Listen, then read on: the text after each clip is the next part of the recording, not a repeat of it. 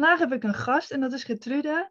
En uh, uh, zij is meer geniet-expert en genietcoach. En uh, dat klinkt natuurlijk allemaal hartstikke mooi. Vandaar dat ik wou vragen aan haar, hoe, hoe, hoe ga je nou meer genieten? Hè? Want haar website is, is ook dagelijksgenieten.nl. Ja, als je dat hoort, dan denk je al, hé, hey, maar hoe ga ik dat ook doen? Want meer genieten is natuurlijk hartstikke ja, belangrijk. En daarnaast spreekt hij heel vaak over word je eigen BFF. En daar gaan we het vandaag over hebben. Nou, Getrude, wil je eventjes uh, jezelf voorstellen? Hoi, hoi. ja, ik ben dus Getrude. Dankjewel voor, uh, voor de uitnodiging. Ik, ik vind het superleuk dat je me hebt gevraagd. En ik ben inderdaad geniet-expert. En um, dat ben ik eigenlijk geworden doordat ik ook weet hoe het is om niet te genieten. Dus um, ja, ik vind dat zelf een hele mooie naam waar ik ook echt trots op ben. En ik vind het ook heel leuk om die genietmomentjes uh, met, uh, ja, met mijn volgers te delen elke dag. En uh, ja, inderdaad, mijn slogan is word je eigen BFF. En ook met een hashtag ervoor, word je eigen BFF. Ja. En dat is eigenlijk het doel um, om vrouwen zeg maar te leren om hun eigen BFF te worden. En dat zijn dan vooral HSP-vrouwen die mij volgen. Dus hoogsensitieve vrouwen.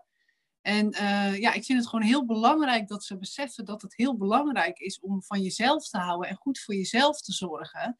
En dat je daardoor ook meer gaat genieten. Dus vandaar ja. ook weer dat genieten, die combi.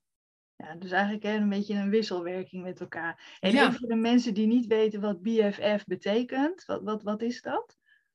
Ja, het betekent officieel best friend forever. Dus het zou ook, uh, maar ik, ik noem het dan zelf beste vriendin van jezelf, zeg maar. Ja, ja, ik, maar ik vind BFF gewoon een hele leuke afkorting. Ja, van die vriendschapskettingjes, dat je zo'n hartje had met je beste vriendin. Daar, daar doet het mij aan denken, dat je dan ja, allebei zo'n half hartje had. Maar ja. dat is natuurlijk een heel andere, een heel andere context. Hè? Maar je, ja. je het vaak als, vooral die tienermeiden die dan hebben BFF, dat komt natuurlijk uit Amerika. Dat je best friends forever, dat je alle, allerbeste vriendinnen bent. Dat. Ja. En jij wil dat je je eigen allerbeste vriendin gaat worden. Ja, klopt. Ja. Want vaak zie je, of in ieder geval wat ik tot nu toe heb gezien bij, bij veel HSP-vrouwen, is dat ze heel graag voor de ander zorgen. En dat is een supermooie eigenschap. Ja. Uh, maar het gebeurt ook dat ze in dat, ja, daarin ook zichzelf vergeten. Dus uh, daarom is ook uh, een belangrijke zin die ik dan vraag van zorg jij beter voor anderen dan voor jezelf? En ehm, ja, ik vind het gewoon heel goed dat eigenlijk dan even de focus op jezelf wordt gelegd. Ja, Omdat je, ja, anders, anders kan het te veel worden, zeg maar, als je echt te veel voor anderen gaat zorgen. Ja, ja en uh, heb, je, heb je ook vaak um, uh, door waarom iemand eigenlijk liever voor een ander zorgt dan voor zichzelf? Ja, het is ook uh, regelmatig wel pleasen. Dus ja. dat het graag dat iemand aardig gevonden wil worden en door het zorgen ook een soort van bevestiging wil of aandacht of liefde. Er kan ook van alles achter zitten. Um, waardoor iemand gaat zorgen. Maar het kan zelfs zo zijn dat iemand heel veel aan het zorgen is, dus daar druk mee is, om zichzelf een beetje af te leiden van zichzelf. Ja. Omdat iemand zelf bijvoorbeeld niet zo lekker in zijn vel zit, maar daar eigenlijk niet mee bezig wil zijn. En daardoor juist voor andere mensen gaat zorgen om maar lekker afleiding te hebben en lekker druk te zijn met die ander.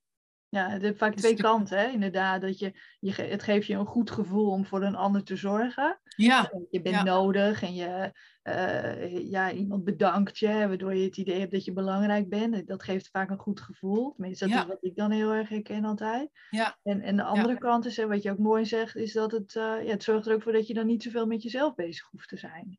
Ja, ja, dat is gewoon een soort, en dat, dat heb je niet altijd door hoor, maar bij mij was dat dan soms ook een afleidingsmanoeuvre om maar inderdaad met die ander bezig te zijn, zodat ik niet dat, die angst of dat verdriet hoefde te voelen van binnen, weet je wel? Ja. Ja, ja daar gaan we het direct nog over hebben. Is nog eventjes mm -hmm. wat je noemt, hè, wat uh, HSP-vrouwen. Kan, kan je uitleggen wat dat uh, is? Wij weten het natuurlijk wel, maar misschien is er iemand die luistert en denkt, ja, wat, wat betekent dat nou eigenlijk? Wat is dat hoogsensitief? Ben ik ook hoogsensitief of niet? Ja, ja inderdaad. Ik uh, spreek dan met name hoogsensitieve vrouwen.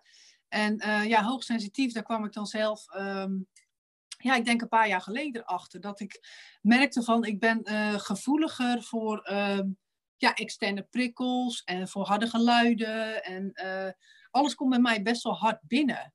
En ik vond dat een hele nare eigenschap. Dus ik heb dat best wel lang eigenlijk een soort van verborgen, want ik wilde niet zo gevoelig zijn. Ja. En toen kwam ik er ook achter dat mijn moeder hoogsensitief is. En eh, ik ging daar ook een boek over lezen en ik ging er steeds meer over lezen. En ja, het, het komt er gewoon op neer dat je, dat je eigenlijk inderdaad gevoeliger bent voor van alles. Dat via jouw zintuigen komt alles gewoon ja, veel harder binnen. Dus uh, ook genieten trouwens. Hoor. Dus het is niet alleen negatief. Maar dat je dan uh, sneller overprikkeld raakt ook door dingen. Dus het is heel belangrijk om daar bewust van te zijn. Van hé, hey, uh, bij mij komt iets hard binnen. Of ik heb rust, meer rust nodig dan gemiddeld. En dat je, ja, dat je dat accepteert van jezelf is ook heel belangrijk. Dus dan ja, komt elke je... keer dat stukje BFF weer te, tevoorschijn. Van ben je dan wel lief voor jezelf? Ja, ja, het is belangrijk om eerst te weten wat het is. Dat je, dat je weet waarom je nou uh, eerder emotioneel reageert dan een ander bijvoorbeeld. Dat is omdat die emoties en die prikkels gewoon zoveel meer binnenkomen. Ja. Ook dat ja. je um, de, uh, je hebt ook geluiden of, of uh, veel zonlicht. Hè. Er zijn heel veel prikkels. Eigenlijk al, die, al onze zintuigen. En die, ja, dat minder goed gefilterd wordt. Hè. Alles komt eigenlijk even hard binnen. Omdat Ja. het er niet zo goed werkt. Tenminste, zo leg Ja. ik het vaak uit. Ook aan mezelf. Jij legt het nog iets beter uit, ja. ja, nee, nee, maar, maar dat is, is natuurlijk ehm, wat, eh, ja, wat, wat, het voelt vaak een beetje als een zwakte. Herken jij dat Ja. ook? Tenminste, zo voelt Ja. het voor mij vaak, hè? Want ik reageer heel gauw emotioneel, bijvoorbeeld.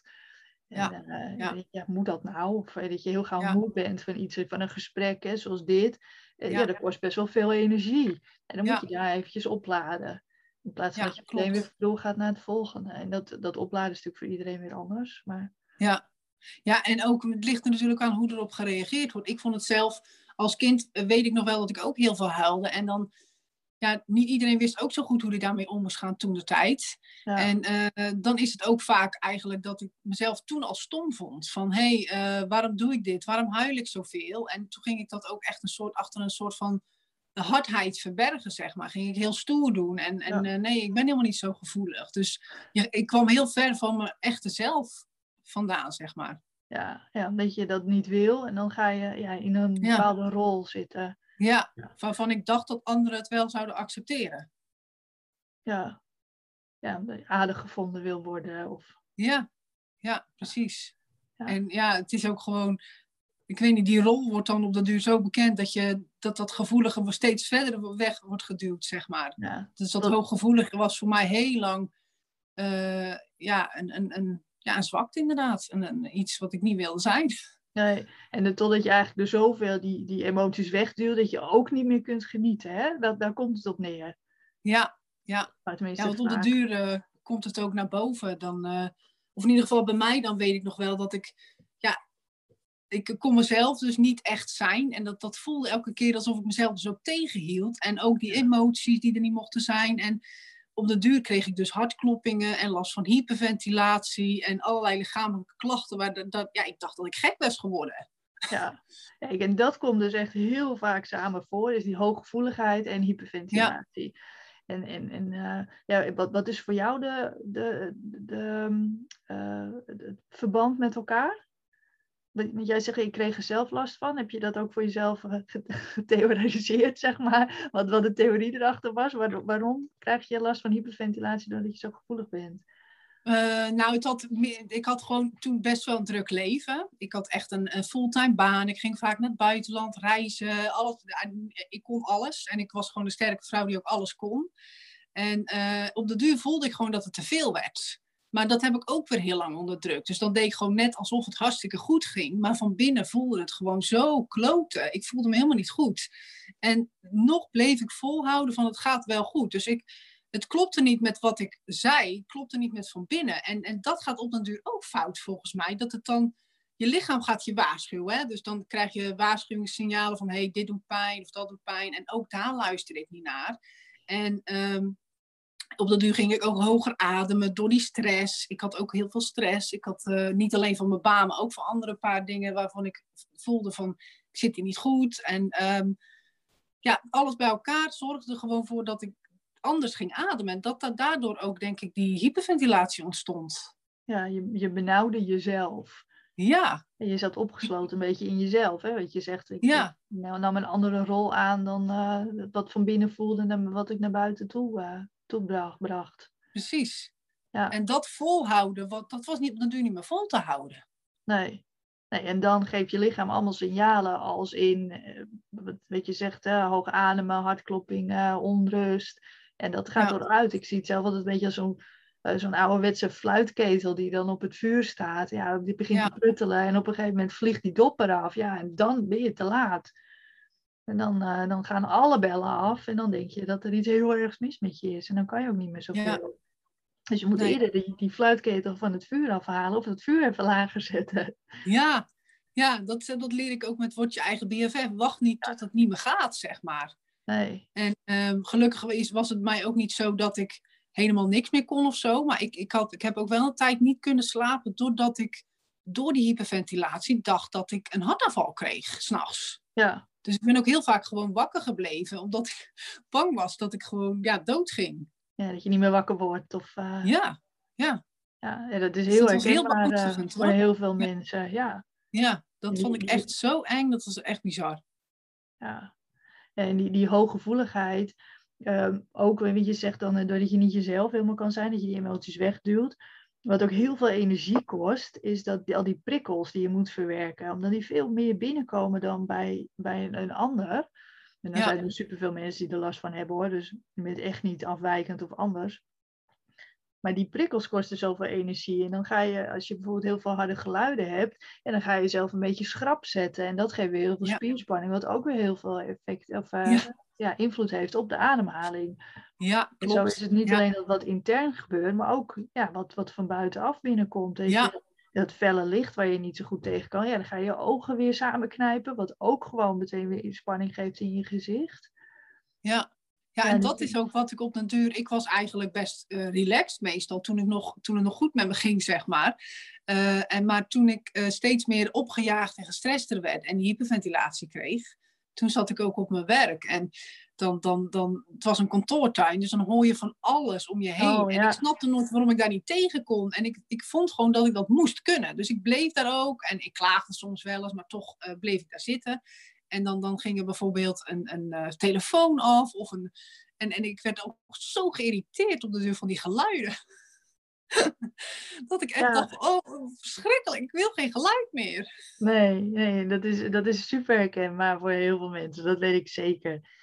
En dat, ja. uh, maar, maar hoe heb je dat voor jezelf om, omgedraaid? Je merkte van, ja, dit gaat niet meer. Nu, ja, nu heb ik zoveel klachten, zoveel onrust, zoveel uh, angst. En, en, en hoe heb je het voor jezelf omgedraaid? Wat was eigenlijk de. Was er een, een, een omkantelpunt? Was er echt ja. een dat je zei van ja, nu is het klaar? Of is het geleidelijk ja. gegaan? Ja, nee, het was, kwam eigenlijk nog best ver. Want ik zei net van, het was nog niet helemaal dat ik... Ik zat eigenlijk tegen een burn-out aan, maar die lichamelijke klachten werden heel erg. Dus er was een nacht dat ik ja, zo bang werd dat ik dus uh, weer door mijn huis ging lopen. Met, hm. en, en mijn hart ging steeds sneller kloppen en ik ging verkeerd ademen. En ik liep daar zo heen en weer en toen dacht ik, ja, nu heb ik volgens mij echt een hartaanval. En toen heb ik dus 112 gebeld. En ik, als ik er nog aan terugdenk, dan denk ik, ja, ik vond het zo eng allemaal. En ik belde ook uh, uh, dus de 112 op en er kwam een ambulance naar me toe. En um, die hebben mij ook onderzocht toen. En toen moest ik ook mee naar het ziekenhuis van uh, wat is er aan de hand. Want mijn hart bleef maar heel snel kloppen. Het was niet, ja, dat, dat bleef doorgaan. En um, toen werd ik dus meegenomen in die ambulance en dacht ik, nou, dit was het.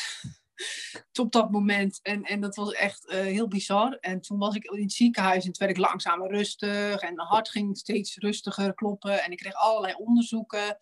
Ja, niks aan de hand.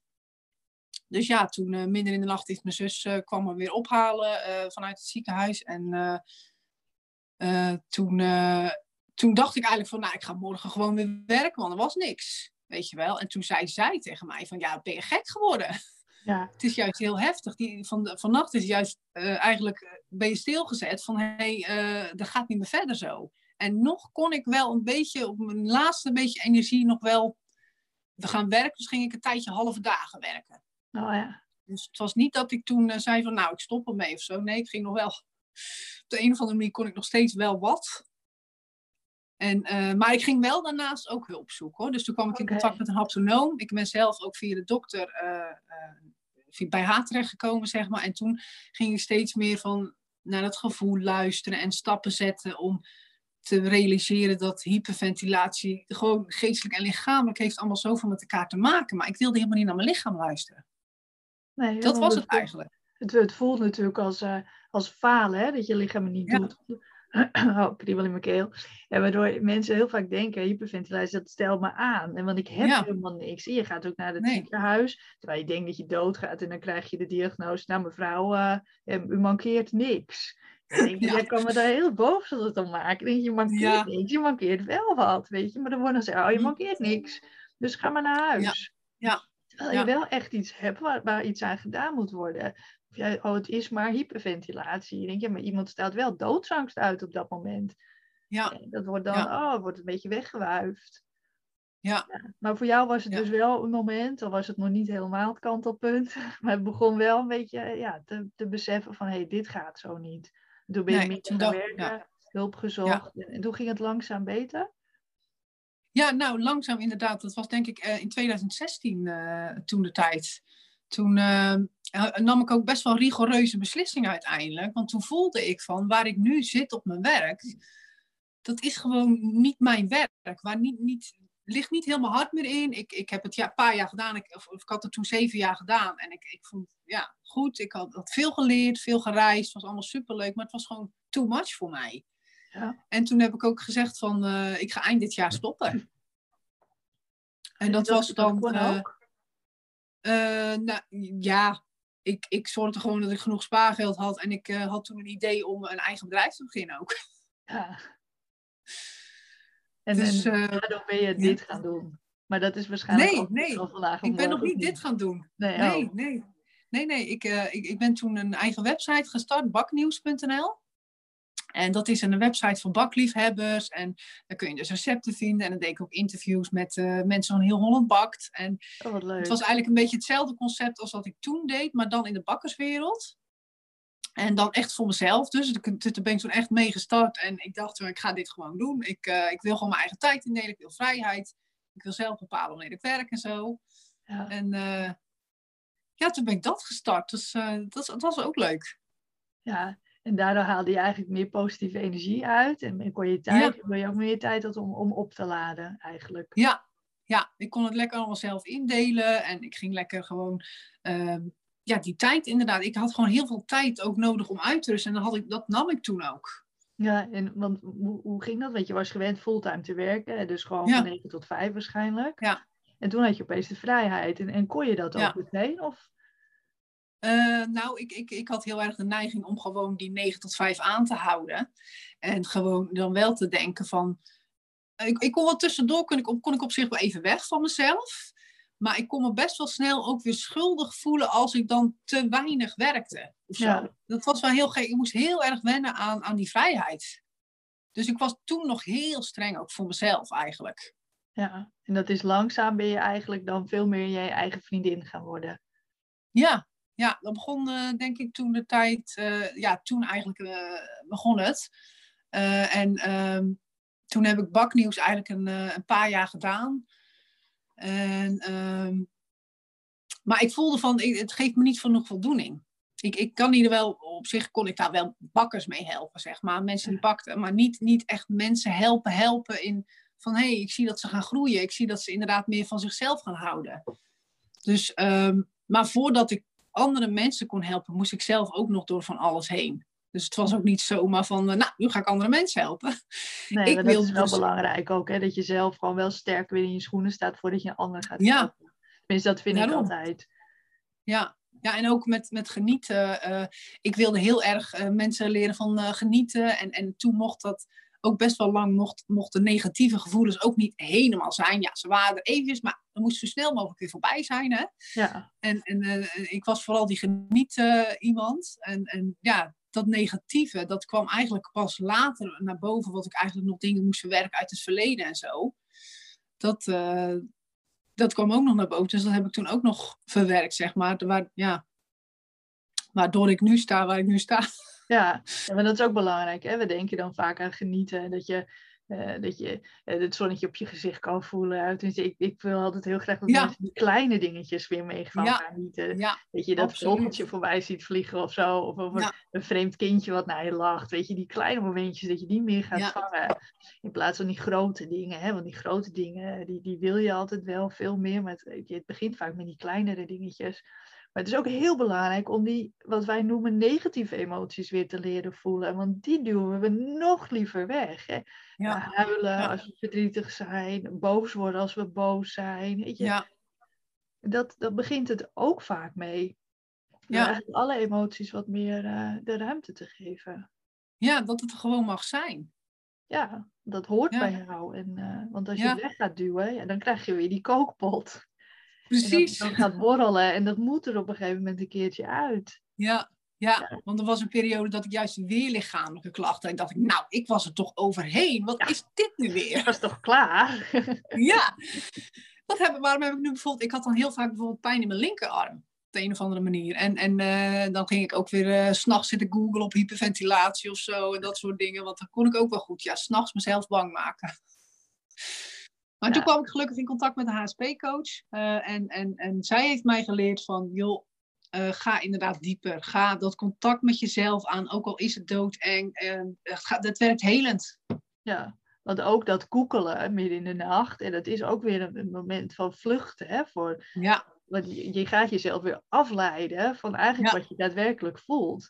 ja, Dat is Klopt. wat, eh, want dat, dat voelen, die angst voelen, die is natuurlijk gewoon doodeng. ja, Maar ja, je Ja. moet er soms wel eventjes doorheen om, om het toch Ja. te, te willen voelen. En we duwen alles willen we altijd maar wegduwen, ook die angst. ja, het is bizar wat we toelaat- eigenlijk doen. Oh, sorry. Ja, nee, maar als je die angst een beetje toelaat, weet je, dan is die vlak zo, zo heftig vaak niet. En het is heel Nee. moeilijk. En vooral die paniek toelaten. Weet je, ja, ik kan echt die paniek niet toelaten, want Nee. dan, dan ga ik Nee. over dat. En dan stort ik wel dat ravijn in, zeg maar. Ja, ja, ja. Ja, ik heb het ook in mijn boek ergens staan. Eh, ik heb ook een boek geschreven van Word je eigen BFF. En daar staat ook een, ergens een stukje van ehm, dat ik me heel vaak heb verzet tegen bijvoorbeeld van alles wat ik voelde. Ja, En toen ik realiseerde van verzetten heeft geen zin, ja, dan gaat er eigenlijk een wereld voor me open. Of ging het toen open, omdat ik voelde van ja, als ik dit gewoon aanga, daarna wordt het altijd beter. ja. ja maar dat is, dat is lastig. Hè? Ja, absoluut. Vooral Nee, in het begin is dat gewoon heel moeilijk. Ja, we doen van alles, en ik weet er zelf van, van alles om maar uit de weg te gaan. Alles. Ja, ja dat, het is ook heel eng. En Ja. je weet niet eh, wat er allemaal boven komt als je er wel Nee. aan toegeeft vaak. Hè? En dat is, eh, dat Nee. is gewoon heel erg lastig en, en ja, spannend. En ook weer angstig, waardoor je dat, en dat willen we gewoon niet voelen. Nee, nee. Nee, Ja. ik, eh, toevallig heb ik nog een podcast van jou geleden, pas geleden ge- gehoord. Angst voor de angst. Ja, Ja, ja. ook zo herkenbaar. Ja, gewoon bang zijn om bang te worden. Ik had het ook Ja. soms ineens in de auto, dat ik voelde van, ik, ik, ik ben nu bang om bang te worden. En dan werd ik dus bang. Ja. Ja, want dan, dan komt dat, hè, juist. Want als je denkt, oh, als ik nu maar niet, ja, dan, Ja. het- dan krijg je stresshormonen. Want ons lichaam werkt zo goed. Ja. ja met die stresshormonen. En dan, ja, ook, dus we zien geen, geen verschil, ons onderbewuste, tussen wat echt is en wat, wat niet echt is. Dus een, een, een, een niet-echte angst is net zo heftig als een echte angst. Ja, ja, ja. En die gedachte in de auto, oh jee, wat als ik nu niet lekker word en ik een ongeluk krijg? Ja, die, dat, die is net zo heftig, die stressreactie, als dat je daadwerkelijk in, vol in de ankers moet om, om een ongeluk te ontwijken. Ja, klopt. Ja. De angst in de auto, dat is ook natuurlijk iets wat heel veel mensen hebben.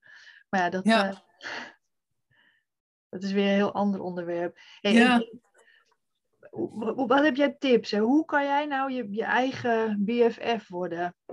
Behalve meer gaan voelen, zijn er ook wel praktische dingen waar je. Want vaak is dat eerst gaan voelen, is natuurlijk wel weer een, ja, een beetje stap voor gevorderde, zoals ik het zelf Ja, ja, dat is ook zo. Zijn er ook kleine dingetjes die jij eh, kan aanraden om, om, te gaan doen? Ja, om dan mee te starten, dat is een goeie. Wat ik zelf, eh, waar ik eigenlijk toen mee ben gestart, is heel veel naar buiten.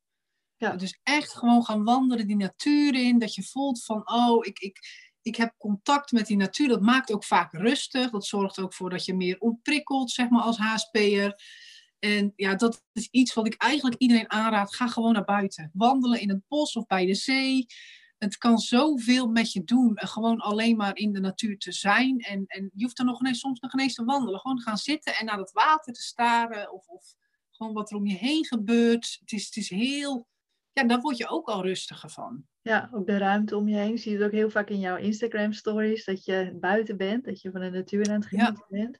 Ja, en als je nou geen natuur uh, heel dichtbij hebt, want sommige mensen wonen midden in de stad en of die durven de deur niet uit. Ja, dat, is dan, uh, dat lijkt me ook wel lastig als je echt de deur niet uit durft hoor.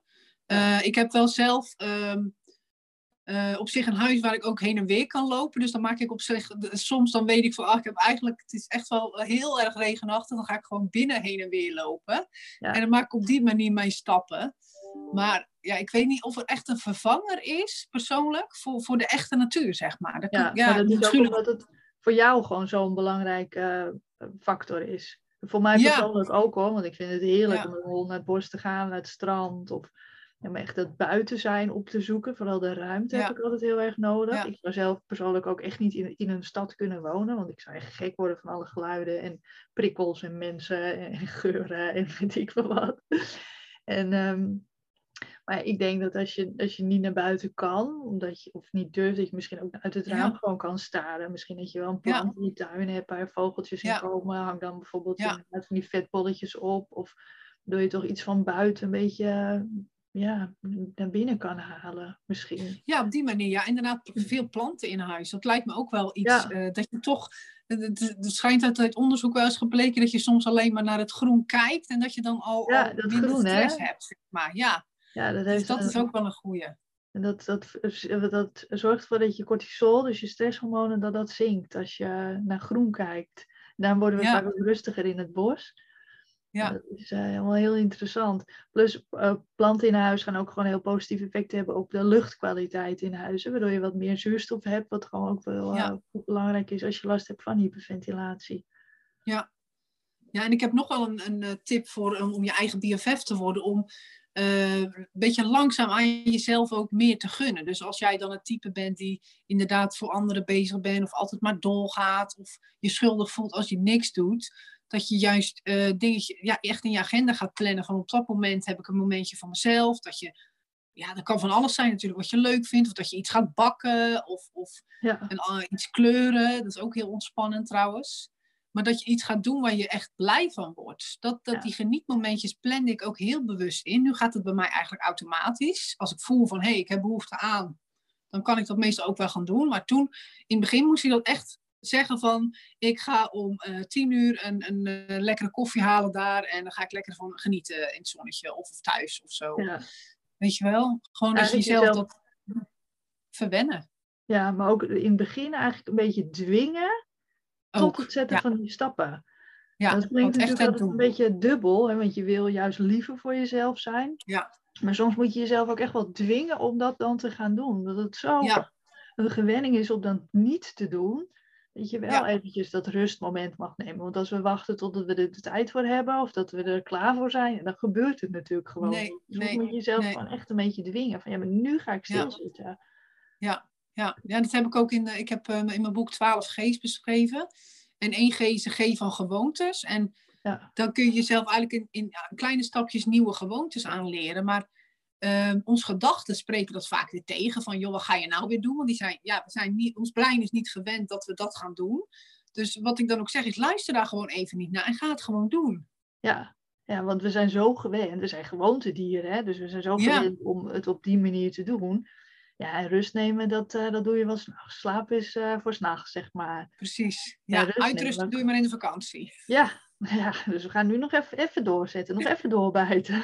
Ja, Dan, dan mag het.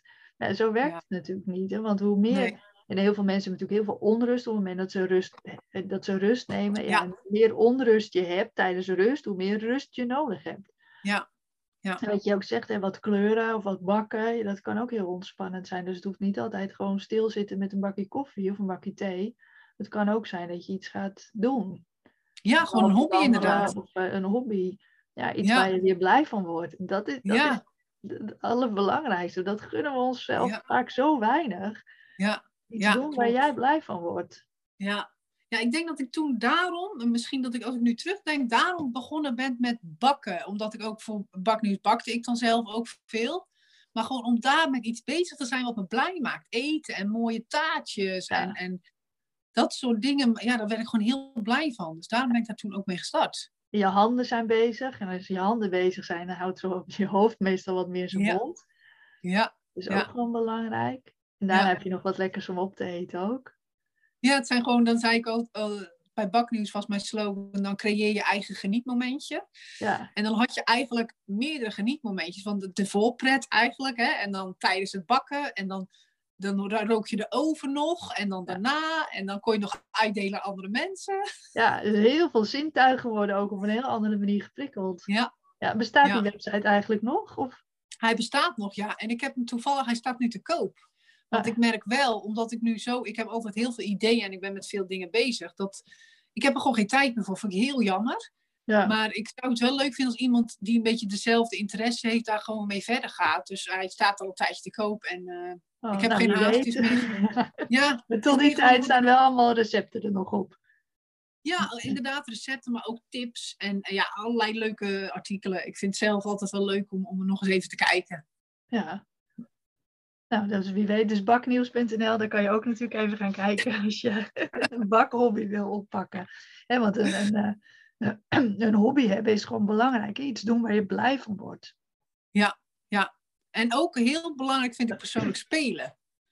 Dat je, Ja, dat je oh, niet ja. vergeet om gewoon te spelen. Ik ga heel vaak, ik ga ook graag met kinderen om. En dan, dan ga ik gewoon lekker, eh, ook, ook, ook, koekjes bakken bijvoorbeeld. Maar ook gewoon lekker op de trampoline. Of ticketje doen of zo. Ik word wel Schommelen. sneller moe dan hun. Schommelen vind ik ook heerlijk. Ja, echt. Dat is gewoon genieten. Ja. Ja, het is vooral denk ik eh, dat, je, je, dat we veel vaker dingen mogen doen waar je blij van wordt. Die een glimlach geven. We zijn zo in ons volwassen leven zo dat we moeten presteren. We moeten dit doen, Ja. we moeten dat. En eh, dat we vergeten dat we ook mogen spelen, mogen genieten. Of dat dingen mogen doen die, die jou blij maken. Want vaak is dat een beloning, hè? Want als, als mijn werk klaar Hm. is of eh, als ik vakantie heb, nou als ik vakantie heb, dan mag ik dat doen. Maar ja, Ja. daardoor bouwt die spanning zich zo hoog op, waardoor je gewoon niet, eh, ja, nu niet gaat genieten. En daardoor die precies. spanning zo hoog eh, komt. Ja, ja, want dat is het eigenlijk, is het ook een. ehm, eh, dat heb ik mezelf ook aangeleerd door dat juist in te plannen. Het is niet dat ik nu per se dat nodig heb of zo. hè, Van, oh, ik ben zo uitgeput, ik moet nu.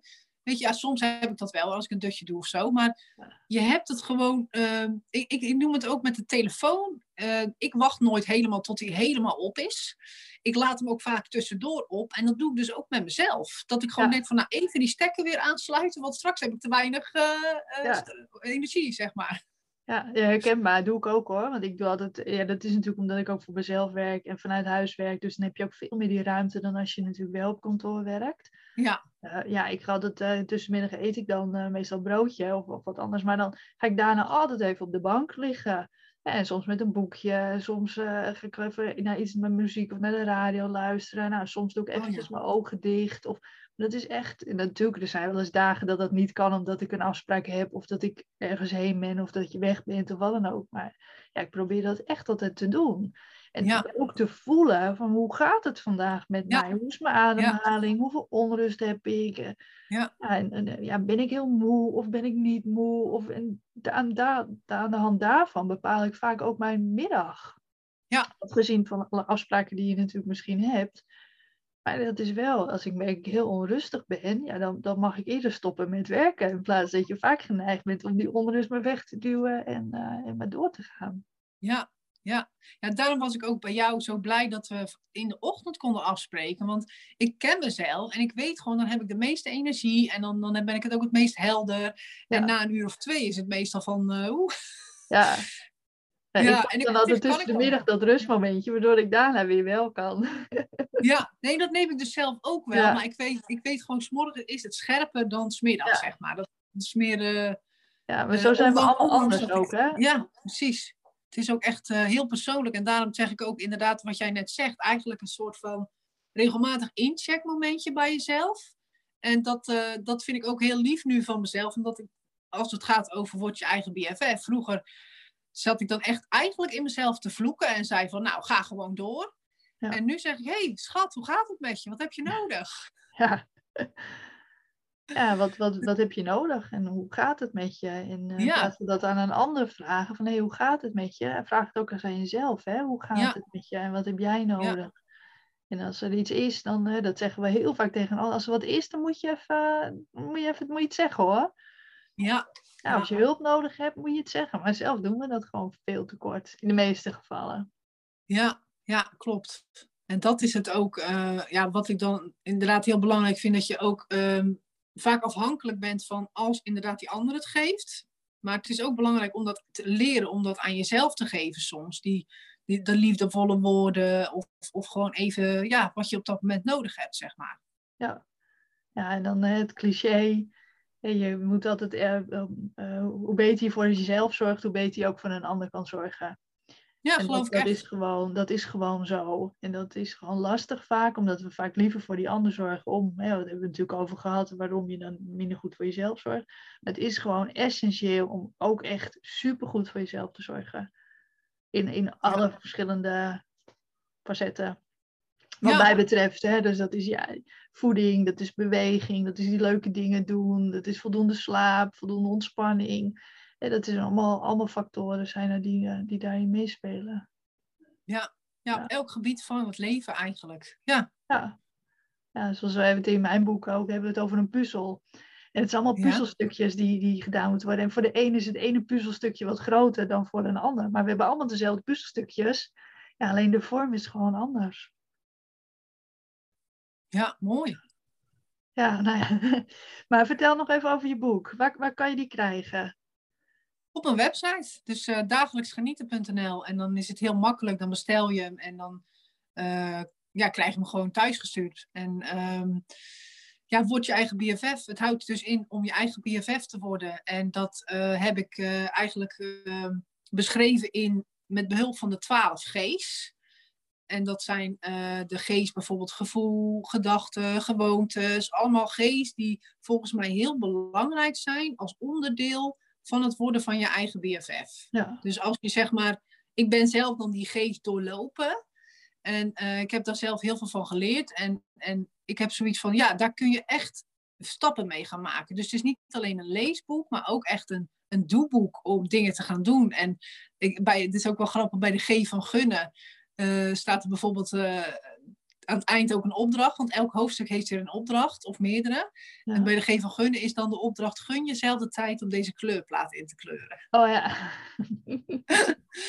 ja, en dat Dus, doen we ja. vaak. Dan, ja, dat komt wel. Dat komt wel. Ja. weet je, waardoor je het weer eh, niet doet. Maar juist die tijd nemen is gewoon echt super belangrijk.